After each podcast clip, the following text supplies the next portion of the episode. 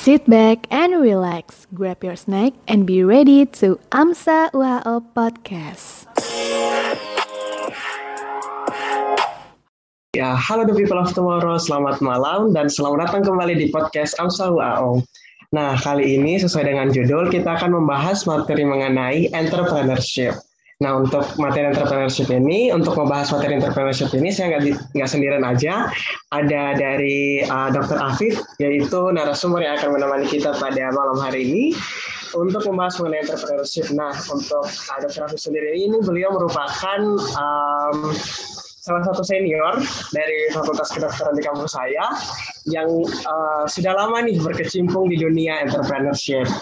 Nah, Uh, mungkin bisa kita langsung sambut saja ke Afif, uh, Dr. Afif. Uh, selamat malam, uh, dok. Bagaimana kabarnya? Waalaikumsalam warahmatullahi wabarakatuh. Kedengaran suara saya, Dek? Uh, sangat terdengar jelas, dok. Uh, baik, dok. Uh, sebelum kita melangkah lebih jauh ke konten yang akan kita bahas hari ini, mungkin ada baiknya uh, dokter memperkenalkan diri terlebih dahulu kepada teman-teman pendengar kita biar lebih akrab, dok. Oh, begitu. Baik. Uh, jadi perkenalkan nama saya Muhammad Afif Nasrullah. Saya lahir tanggal 28 Juli 1996.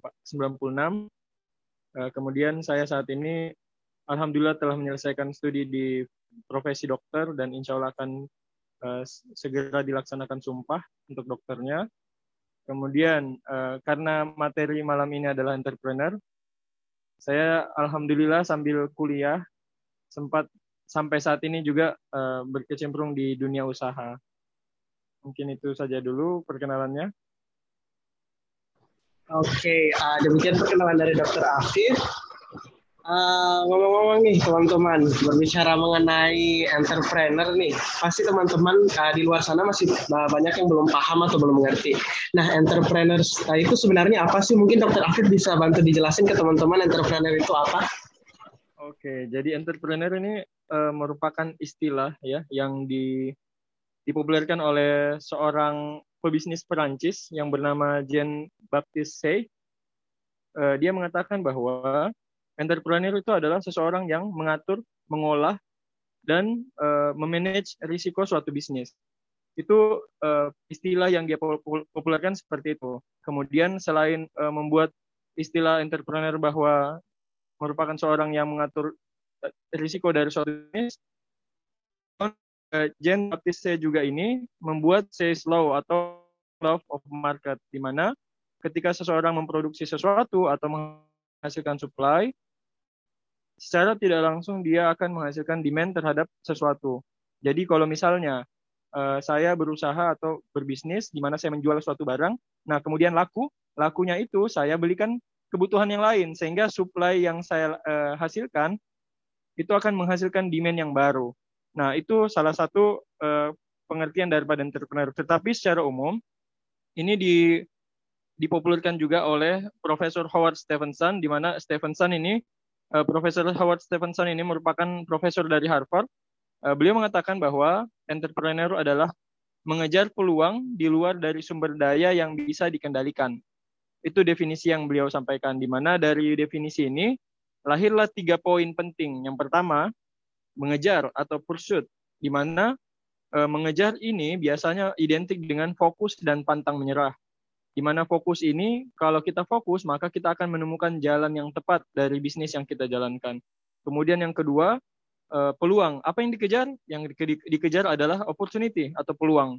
Peluang ini berkaitan dengan e, sesuatu yang kita buat atau yang kita create Nah, kalau kita buat sesuatu, tentu kita harus berinovatif, inovasi, bersifat inovatif.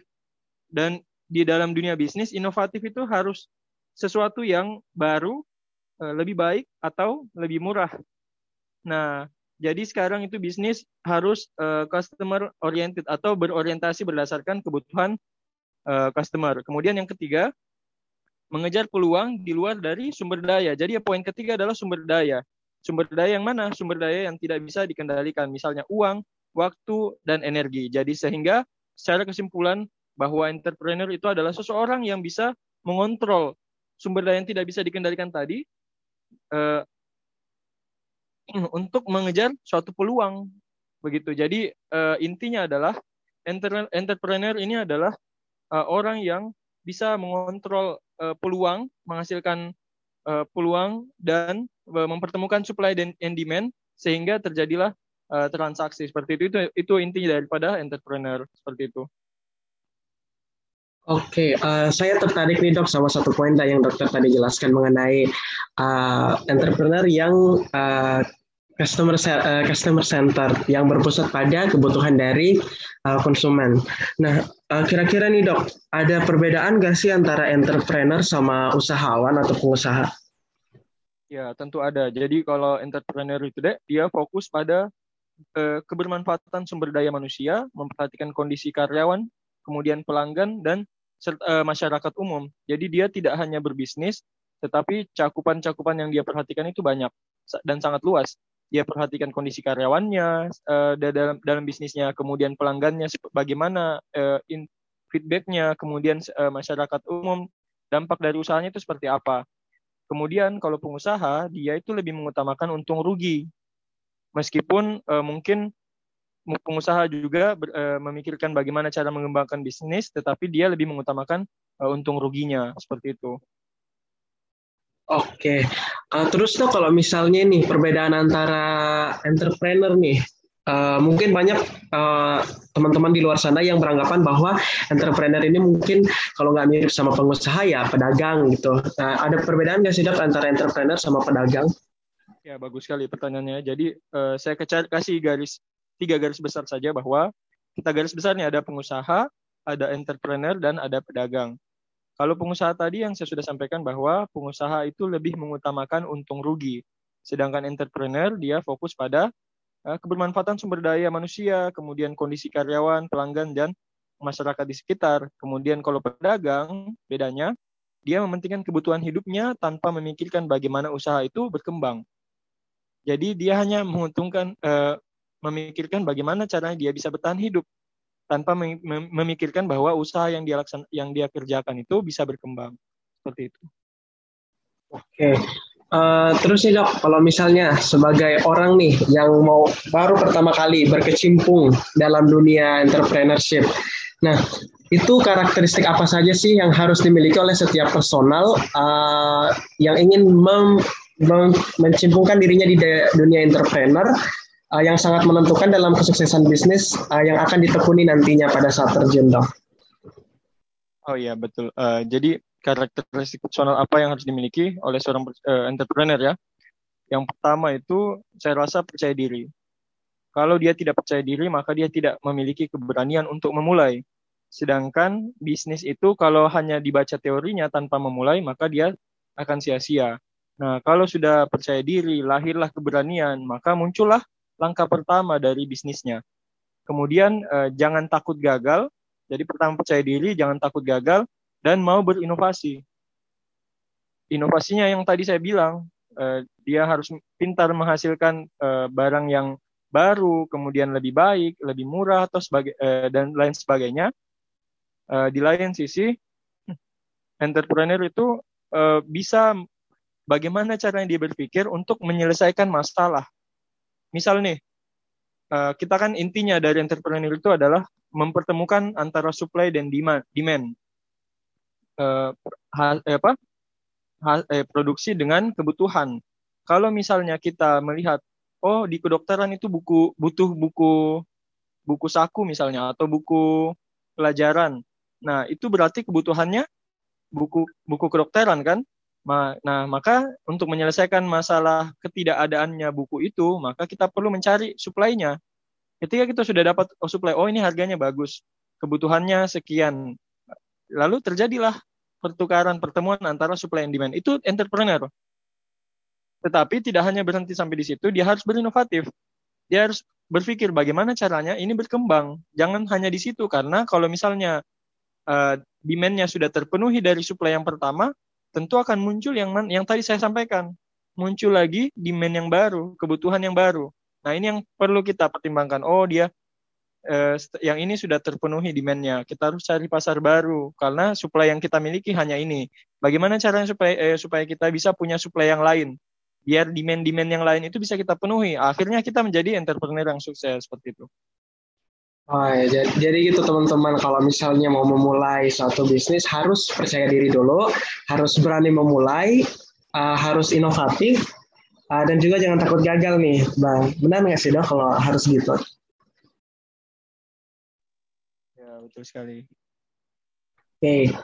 uh, gini dok, kalau misalnya berbicara mengenai entrepreneur nih, uh, kita kan sebagai mahasiswa kedokteran ya dok ya, uh, otomatis kita uh, untuk akan sedikit lebih sulit untuk berkecimpung ke dunia entrepreneur. Mengingat bahwa uh, kita ini merupakan mahasiswa yang uh, mahasiswa kedokteran itu identik dengan orang-orang yang sibuk apalagi mengenai dunia akademik terus juga organisasi baik lingkungan internal kampus maupun eksternal dari kampus. Dan uh, kira-kira ada nggak sih dok uh, arahan yang bisa dokter berikan untuk bagaimana cara menjadi seorang entrepreneur uh, yang sukses dan entrepreneur yang baik, khususnya bagi mahasiswa FK. Secara kan kita tahu kalau mahasiswa FK itu adalah mahasiswa yang bisa dikatakan dalam tanda kutip uh, sibuk nih dok, apalagi kalau masalah akademik. Ya betul sekali. Uh, saya juga realistis melihat keadaan di mana saya tidak mungkin memulai usaha yang besar, di, uh, kemudian peluang waktu yang saya miliki itu terbatas. Jadi kita harus realistis kalau misalnya kita punya waktu 24 jam dalam sehari dan kita habiskan di kampus sekian misalnya, nah waktu yang sisanya ini bisa kita manfaatkan. Ataukah pada saat kita kuliah, nah ini sebenarnya bukan tips ya, ini cuman kondisi saya waktu memulai. Saya melihat bahwa eh, pada saat saya kuliah, itu ada waktu yang saya bisa curi-curi buat sambil jualan. Misalnya, uh, saya kasih contoh teman saya waktu, waktu kita kuliah di kedokteran kan itu dari pagi sampai sore dan itu pasti butuh minum. Karena orang uh, orang entrepreneur itu pintar melihat kondisi maka kebutuhannya apa tadi? Minum kan? Uh, karena dia uh, mendapati suasana yang demandnya itu adalah air minum dia uh, menyediakan itu. Sehingga alhamdulillah dia punya pasarnya dia bisa supply akhirnya dia bisa jualan di situ sambil itu. Nah kalau saya pribadi saya kan mulai bisnisnya itu dari jualan pulpen. Kenapa? Karena saya realistis melihat uh, waktu yang dimiliki dan uh, sumber daya yang saya punya itu terbatas sehingga yang saya bisa mulai itu pertama adalah jualan pulpen. Nah, saya melihat kenapa saya jualan pulpen? Karena berdasarkan ilmu tadi, supply and demand tadi, saya melihat mahasiswa kedokteran itu butuh pulpen, butuh alat tulis untuk ujian. Nah, sedangkan ketika pada saat dihadapi dihadapkan dengan kondisi yang lebih berat, misalnya pada saat ujian dan tidak ada pulpennya, maka demand-nya akan meningkat. Dia sangat butuh dengan pulpen itu. Ketika orang sangat butuh, berapapun harga yang kita tawarkan, bahkan lebih uh, lebih banyak dibandingkan harga normalnya barang itu, tentu pasti dia akan tetap beli kan? Misalnya dia mau ujian, tidak ada pulpen. Nih, pulpen yang harusnya harganya 5.000, saya jual 10.000, kira-kira dia mau tidak? Dia pasti mau. Nah, itu dari berdas, ber, eh, awalnya dari situ, ulang, oh ternyata jualan itu semudah ini. Nah, tetapi perlu diperhatikan bahwa untuk bisnis yang berkelanjutan, untuk berkembang sebagai entrepreneur yang hebat, itu tidak bisa berpuas diri dengan eh, lakunya sekian, sekian. Karena kita tahu tadi yang saya sampaikan bahwa kalau ketika kebutuhannya tercukupi, maka kita harus pintar cari demand yang baru. Karena kita tidak mungkin demandnya double. Tidak ada seperti itu. Supply and demand selesai. Kalau di, tidak ada demand, maka bagaimana mau ada supply? Seperti itu. Akhirnya saya mulai uh, pindah ke usaha kuliner, cemilan kecil-kecilan, di mana cemilan itu dia ada repeat order. Dia bisa uh, menciptakan pasar yang bisa uh, istilahnya digunakan habis. Beda dengan alat kan, alat dia memang akan habis kalau pulpen tetapi dalam jangka yang lebih lama. Sedangkan kalau konsumsi dalam satu hari ya bisa konsumsi lebih dari satu dan besoknya bisa order lagi seperti itu. Saya belajarnya dari situ. Dari pelan-pelan, perlahan-perlahan dari plastik-plastik yang sederhana ditutup dengan uh, apa disapu dengan lilin, panas lilin dari situ saya mulai deh. Nah, jadi tips saya untuk menjadi entrepreneur yang baik, kita harus realistis melihat keadaan, mulai dari langkah pertama dulu walaupun kecil, dan untuk belajar eh, itu semua jadi ilmu. Buat kita ke depannya ketika kita sudah lulus, kita sudah punya waktu yang banyak, kita sudah punya penghasilan yang lebih daripada yang sekarang, maka tentu kita akan bisa berani membuat langkah selanjutnya, membuat usaha yang jauh lebih besar dari yang sebelumnya kita mulai di kedokteran seperti itu. Oke, jadi kuncinya dok uh, harus pandai membaca situasi dan kondisi serta mampu berinovasi ya dok ya untuk memenuhi memenuhi kebutuhan demand dari pasar. Ya betul sekali harus inovasi.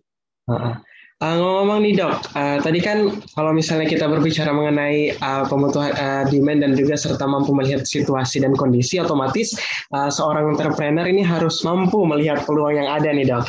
Nah kira-kira uh, bagaimana sih cara seorang calon entrepreneur itu menangkap peluang yang berbeda dari yang lain sehingga usaha yang akan dikembangkan nantinya itu bisa melesat gitu dok, bisa berkembang dengan baik.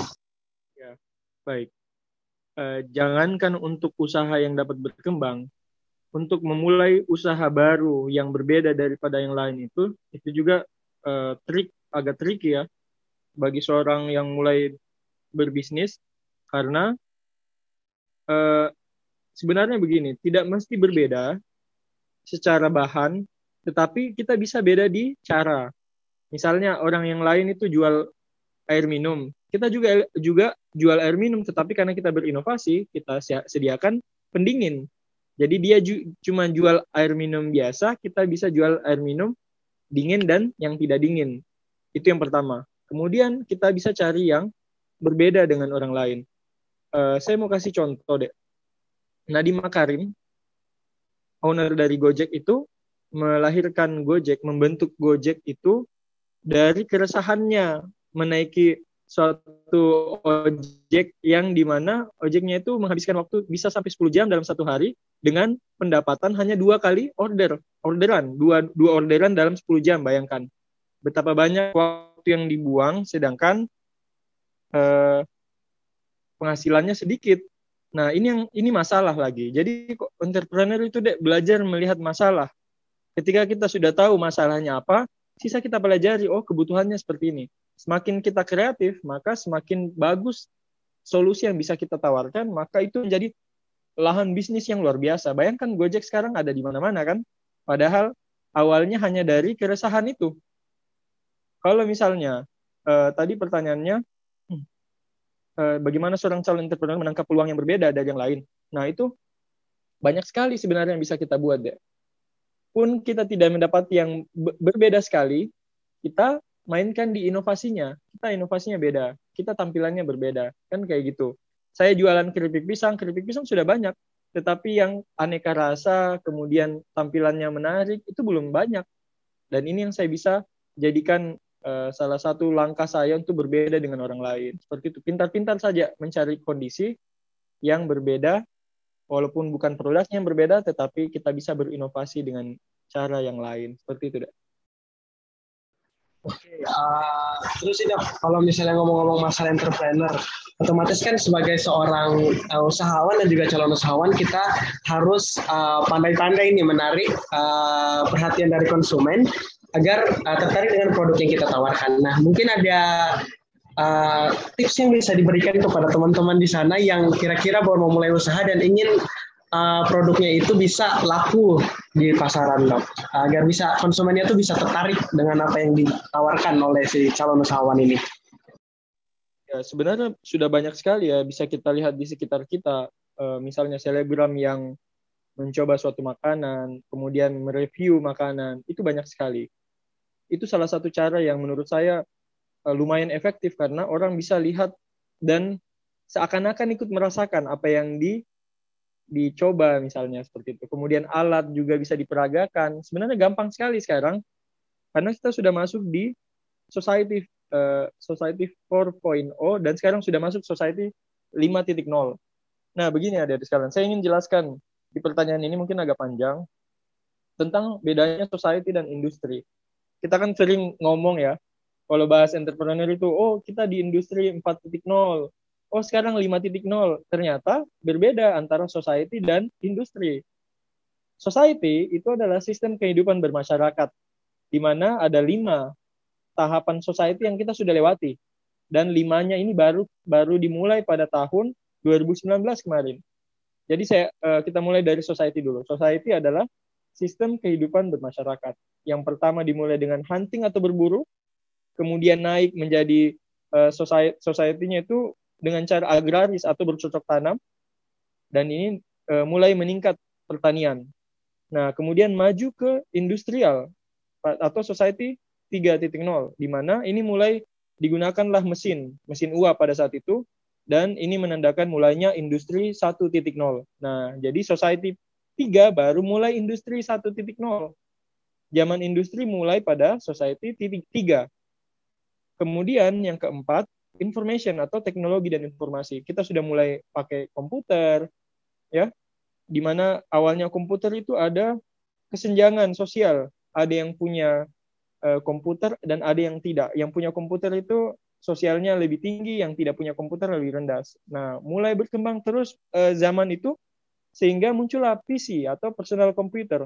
Semua orang sudah punya komputer dan malah sekarang uh, orang sudah punya gadget kan masing-masing itu sebagai su suatu hal yang lumrah. Kemudian masuklah society 5.0 di mana ini disebut dengan istilah super smart society. Di mana teknologi itu menjadi satu kesatuan dengan manusia, dari sekalian. Nah, society ini 5.0 uh, eh, merupakan penyempurnaan konsep sebelumnya yang melahirkan artificial intelligence. Kita tahu bahwa sekarang uh, eh, IA itu banyak sekali yang dia bisa kelola, bisa big data analitik, kemudian Internet of Things, kemudian virtual reality. Bayangkan saja, orang cuma pakai kacamata, dia sudah bisa lihat gambaran 360 derajat kan? Bahkan sekarang sudah ada metaverse yang di mana uh, itu skala dan jangkauannya unlimited. Nah, ini society. Kemudian industri yang tadi saya katakan, 1.0 itu ditandai dengan mesin uap, kemudian 2.0 itu listrik yang terdistribusi. Ada yang ke rumah, ada yang digunakan untuk mesin. Listrik sudah dipakai di mesin pada industri 2.0. Kemudian maju lagi, 3.0. Apa itu? Yaitu komputerisasi. Kita lihat sekarang, semuanya serba komputer kan? Awalnya ada digital divine yang saya sampaikan tadi, kemudian muncul personal computer, dan sekarang ada gadget eh, gadgetnya di mana-mana, dan masuklah kita di industri 4.0, di mana komputer melahirkan internet, jadilah cyber physical system yang menghasilkan IA tadi. Nah ini kalau misalnya seorang yang ingin uh, mulai bisnis, kemudian tidak mengikuti zaman-zaman yang saya sampaikan tadi, maka tentu sulit untuk menarik, membuat konsumen tertarik pada kita kalau kita tidak kuasai. Apakah kita harus uh, buka toko setiap hari, kemudian kita memperagakan di depan toko kita kan tidak. Sekarang zamannya era digital, sudah semuanya serba internet kita sudah punya sosial media, kita punya akses untuk itu, lalu kemudian ada banyak orang yang punya pengaruh di sosial media, ini yang bisa kita gunakan untuk membuat orang tertarik pada produk kita. Ya panjang penjelasannya, tetapi intinya adalah untuk membuat orang tertarik itu pertama gampang sekali. Kalau kita memanfaatkan teknologi, kita bisa peragakan di internet, kemudian kita bisa melakukan review, bekerja sama dengan uh, selebgram atau orang-orang influencer yang punya pengaruh di sosial media kan seperti itu. Itu zaman sekarang deh, karena kita tidak bisa membahas entrepreneur ini tanpa membahas uh, perkembangan teknologi di zaman sekarang. Seperti itu. Oke, jadi gitu teman-teman. Selain harus pandai membaca situasi dan peluang serta demand, kita juga harus pandai-pandai nih memanfaatkan teknologi untuk menunjang kesuksesan dari bisnis yang akan kita rintis nantinya. Oke, okay, uh, ada pertanyaan selanjutnya nih. Uh, kira-kira nih, uh, mengingat kondisi dan situasi sekarang, uh, hambatan apa saja dan kekurangan apa saja yang mungkin nanti akan dihadapi atau dimiliki ketika seorang pebisnis ini uh, akan memulai sebuah usahanya dan bagaimana cara mengatasinya? Mengingatkan dok, uh, banyak sekali bisnis-bisnis yang bisa dibilang serupa atau mungkin uh, bisa dibilang kembar lah dok. Uh, untuk usahanya sendiri sehingga uh, gimana caranya untuk mengatasi serta menyelesaikan masalah mengenai hal-hal yang nantinya akan uh, berhubungan mengenai bisnis yang akan dikembangkan nanti. Ya, uh, berbicara tentang hambatan dan kekurangan yang kita hadapi di dalam memulai bisnis, uh, itu tergantung masalahnya apa. Uh, tetapi yang ingin saya sampaikan bahwa semakin luas, semakin besar usaha yang ingin kita jalankan tentu tidak luput dari risiko yang besar. Semakin besar usaha yang ingin kita capai, semakin besar pula risikonya. Beberapa sumber yang saya baca, yang saya pelajari tentang entrepreneur itu ada yang pernah saya baca tentang Laut Biru dan Laut Merah. Laut Merah adalah tempatnya orang-orang bersaing keras, di mana itu eh, pedagangnya sama, kan kita bisa lihat kan eh, ada toko buah berjejer satu lorong, sama-sama toko buah. Itu persaingannya keras, walaupun tidak sulit untuk mencari kesamaan, eh, mencari supply. Menyiapkan supply itu tidak eh, tidak sulit, tetapi demand-nya yang kita berebutan itu laut merah. Kemudian ada laut biru, ada di sekalian. Laut biru ini uh, kita mensuplai barang yang tidak semua orang bisa mensuplai. Misalnya properti, perumahan, jual mobil, kemudian yang uh, barang-barang lux lainnya, barang-barang lux lainnya itu kan uh, supply-nya jarang yang mensuplai. Demand-nya juga kurang, tetapi persaingannya sedikit, class-nya sedikit. Seperti itu. Jadi uh, hambatan dan kekurangan itu kita hadapi sesuai dengan laut mana yang kita pilih. Kalau mau yang kurang hambatan, maka suplainya harus yang berbeda dibandingkan yang lain. Kalau misalnya kita punya supply ada banyak miripnya, maka kita harus siap hambatannya juga eh, hambatannya juga lebih besar. Kemudian kalau misalnya kita menghadapi kekurangan dan hambatan itu sebenarnya eh, itu intinya mungkin inovasi kalau saya. Dan jangan lupa bahwa hukum daripada entrepreneur atau usaha dalam bisnis itu tidak ada usaha yang naik terus. Naik eh, naik turunnya usaha itu adalah hal, hal yang wajib ada, bayangkan. Bukan lumrah. Memang wajib ada. Naik turun dari usaha itu wajib ada. Sehingga kalau misalnya kita menghadapi hambatan atau kekurangan atau bahkan kerugian dari usaha kita, ya jangan menyerah. Itu memang lagi fasenya seperti itu. Jadi kalau saya untuk mencegah kesulitan menghadapi situasi seperti itu, kita harus bersiap memiliki usaha lain, supply yang lain, supaya ketika supply yang kita miliki ini demand-nya berkurang, supply yang uh, pilihan lain itu masih bisa kita jalankan dan mencari demand sehingga ekonominya kita stabil kayak gitu deh. Oke, uh, uh, jadi ini dok kita kan tadi udah bahas-bahas lengkapnya mengenai entrepreneur. Nah untuk Uh, selanjutnya mungkin lebih personal nih dok. Uh, mungkin teman-teman di sana pada penasaran nih dok, kira-kira uh, sekarang ini sebenarnya dokter sedang menjalankan usaha apa sih dan apa yang membuat uh, dokter ini sehingga termotivasi untuk mengambil keputusan, oke okay, saya mau ngambil jadi entrepreneur di bidang ini. Nah ingatkan dokter juga uh, sekarang sedang berprofesi menjadi dokter dan juga uh, sekaligus juga ex atau mantan mahasiswa FK yang notabene uh, sangat sibuk dengan kehidupan uh, medis dok. Uh, kira-kira uh, mungkin bisa dijawab dok. Uh, baik, terima kasih. Uh, jadi motivasi saya sebenarnya begini. Usia muda itu dipertanggungjawabkan khusus nanti di akhir akhir. Itu yang saya pegang di agama setia. Kepercayaan yang saya uh, anut mengatakan bahwa usia muda itu dipertanggungjawabkan tersendiri. Ya, walaupun uh, di lain sisi usia secara keseluruhan itu juga dipertanggungjawabkan. Tetapi usia muda ini khusus. Nah, usia muda yang kita miliki kan e, bedanya tua dan muda itu ada yang muda dia punya e, waktu dan tenaga. Tapi tidak punya uang. Sedangkan yang tua punya uang tapi tidak punya tenaga dan waktu luang. Nah, kita manfaatkan apa yang kita punya untuk mencapai yang kita belum punya. Yang kita punya apa? Tenaga dan waktu luang waktu luang ini saya tidak mau sia-siakan hanya dengan kuliah pulang kuliah pulang. Banyak sekali yang sebenarnya yang bisa dipelajari dan salah satunya eh, yang saya berpikir ingin kenapa saya berkecimpung di dunia entrepreneur karena saya rasa usaha ini bukan hanya anak muda yang menjalankan. Memang ini akan berkelanjutan. Jangka panjang jangka panjangnya menjanjikan kalau misalnya kita mulai belajar dari sekarang. Sehingga itu yang memotivasi saya untuk mulai belajar. Nah, kemudian kenapa saya pengen uh, belajar entrepreneur sel uh, selain itu, saya juga ingin punya branding diri begitu deh. Jadi ketika orang menyebut nama saya, dia ingat produk saya. Ya, jadi produk saya itu Sikato. Saya ber, uh, bergerak di bidang kon, kon, apa kuliner, ya snack-snack ringan begitu. Jadi orang ketika ngomong tentang nama saya, mereka ingatnya produk Sikato itu. Nah, ini menyenangkan juga sih karena semakin banyak jualan kita tersebar di luar, oh kan orang akan eh, beberapa orang akan bertanya ini siapa yang buat, siapa yang jual. Nah akhirnya saya jadi punya relasi banyak. Bayangkan saja pada saat saya masih kuliah di kedokteran, saya tuh sudah berteman dengan uh, banyak penjual, uh, pebisnis lain yang notabene sudah profesor, ada yang mas, sudah dokter, sudah dokter bahkan. Itu jadi saya punya relasi yang lebih luas. Dan di situlah uh, wawasan saya semakin terbuka bahwa oh ternyata entrepreneur ini menarik untuk dipelajari tanpa mengganggu sama sekali daripada aktivitas kuliah saya.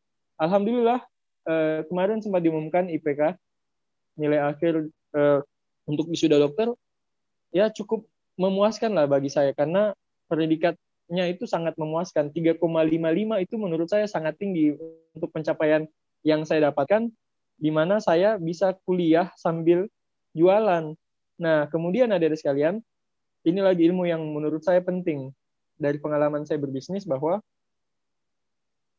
uh, kalau misalnya kita tahu ilmunya, maka itu akan menunjang sekali daripada usaha kita. Contoh, uh, orang-orang kan menjualannya itu di pasar, jual sendiri, punya toko kah, atau misalnya dia jual di rumah, lalu dia pakai on, jasa online, itu dia masih terlibat langsung. Sedangkan ternyata kalau kita tahu ilmunya, kita bisa berusaha ber, berjualan tanpa tanpa kita terlibat langsung. Sama dengan akhir bulan saya tinggal tagih mana hasil jualannya. Kemudian kalau sudah habis saya supply kembali. Jadi enak. Setelah kita supply, kita sudah bisa mengurus kegiatan-kegiatan lain, misalnya organisasi jalan, pendidikan jalan, eh, jualannya tidak berhenti karena orang lain yang menjualkan kita begitu. Begitu barangkali deh motivasinya banyak sekali yang kalau mau dibahas entrepreneur ini sangat luas pembahasannya. Oke dok, uh, selanjutnya nih dok, berdasarkan pengalaman yang dokter dapatkan sendiri selama menjadi seorang entrepreneur nih, saran apa yang bisa diberikan kepada mahasiswa-mahasiswa di luar sana? Uh, tidak terkhusus, uh, tidak terkhusus ya dok untuk mahasiswa, untuk mahasiswa dari jurusan mana saja yang ingin uh, memulai untuk merintis sebuah usaha nih dok. Karena jujur saya pribadi ya dok ya itu sebenarnya tertarik dalam dunia bisnis tapi cuman kayak agak minder gitu dok kalau misalnya harus mulai di dunia bisnis. Soalnya di kepala saya tuh harus kayak uh, saya tuh takut untuk memulai karena takut akan diomongin orang lah, takut akan usahanya jatuh lah, dan sebagainya dok. Nah kira-kira mungkin ada saran yang bisa dokter berikan untuk orang-orang atau mahasiswa yang untuk memulai bisnis dengan pola pikir yang seperti itu dok? Baik, begini, orang takut itu memul takut memulai itu biasanya karena ketidaktahuan. Orang yang bingung pasti ketakutan. Coba, jangankan bisnis, bicara saja. Kalau orang bingung bicara apa itu kan kita keringatan kan mau bilang apa? Bicara di depan umum tidak tahu bilang tidak tahu ngomong ya takut kan? Sama dengan bisnis. Kalau misalnya kita e, merasa takut untuk memulai biasanya itu karena kita masih memiliki pengetahuan yang masih kurang. Nah kalau saya waktu saat mau bisnis itu saya belajar oh ada namanya modal. E, berapa modalnya kemudian untungnya berapa e, rata-rata untungnya berapa. Jadi ada ada perhitungan-perhitungan itu sehingga kita tidak terlalu takut untuk memulai karena ada angka yang bisa kita lihat. Kalau kita tidak seperti itu, tidak ada data yang kita kelola, maka tentu kita bisa takut untuk memulai usaha. Kemudian uh, itu yang tadi yang saya katakan bahwa sifat dari entrepreneur itu kan percaya diri, harus berani, harus memulai langkah pertama, dibekali dengan pengetahuan-pengetahuan yang mungkin itu dasar dasar pun tidak apa-apa karena entrepreneur itu kebanyakan learning by doing. Kalau misalnya kita lakukan, maka tentu akan ada ilmu. Oh, saya rugi di sini karena ini. Oh, ternyata uh, konsumen saya lebih suka kemasannya seperti ini. Oh, ternyata harga saya dibandingkan ini lebih murah saya sedikit. Oh, saya bisa naikkan. Oh, kalau saya naikkan, ternyata pelanggannya jadi berkurang. Jadi kita bisa belajar dari situ deh. Banyak sekali yang bisa kita pelajari kalau kita lakukan bisnisnya. Jadi jangan takut untuk mulai berbisnis, tapi jangan juga terlalu berani tanpa mempelajari terlebih dahulu pasarnya bagaimana, demand-nya di, di lapangan seperti apa, kita bisa supply tidak, waktunya kita cukup tidak. Jadi itu itu yang perlu kita uh, list terlebih dahulu dengan rapi, kita rancang sedemikian rupa sehingga gambarannya jelas. Kalau jelas tidak ada lagi kebingungan, maka muncullah keberanian untuk memulai. Seperti itu. Jadi dijelaskan dulu semuanya, dirunut dulu semuanya hingga jelas. Kalau sudah jelas, insya Allah tidak ada kebingungan. kebingungan. Kalau tidak ada kebingungan, maka muncullah rasa keberanian itu sendiri. Seperti itu adik-adik sekalian. Oke, jadi intinya ya dok, eh, untuk memulai sesuatu itu harus ada planning yang matang ya dok sebelum memulai sebuah bisnis. Ya, betul sekali. Harus ada eh, persiapan yang matang, tetapi lebih dari itu harus berani untuk memulai.